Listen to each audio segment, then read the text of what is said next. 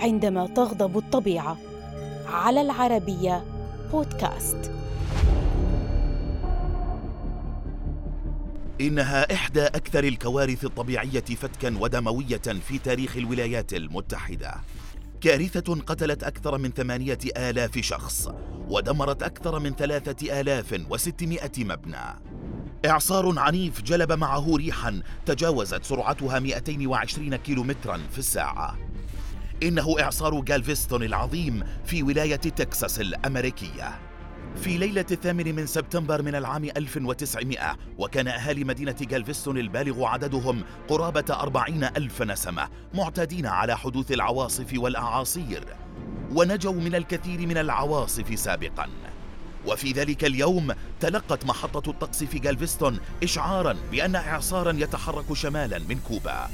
وكان الأهالي يرون السحب في السماء وهي تتراكم دون أن يستوعبوا أنها بمثابة وحش قادم إليهم. ولم تكن لديهم فكرة عن أن هذا اليوم سيكون يومهم الأخير في مدينتهم.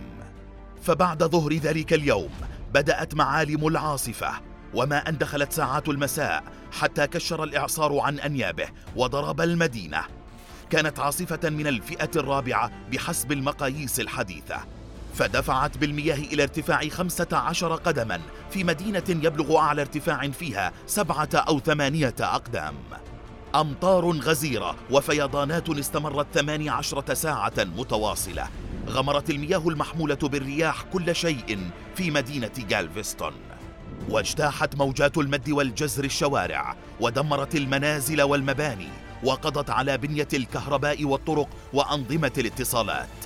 فكانت ليلة عاصفة خلفت دمارا لم تكشف نتائجه إلا مع صبيحة اليوم التالي. خرج الناجون من ملاجئهم ليعاينوا الأضرار ليجدوا مشهدا مروعا وعمت حالة رعب وحزن.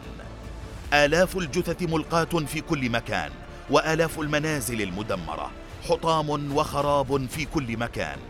لم يتبقى سوى عدد قليل من المباني في مدينتهم جالفيستون. ووجدوا أنفسهم يبدأون مرحلة جديدة وهي كارثة ما بعد الكارثة.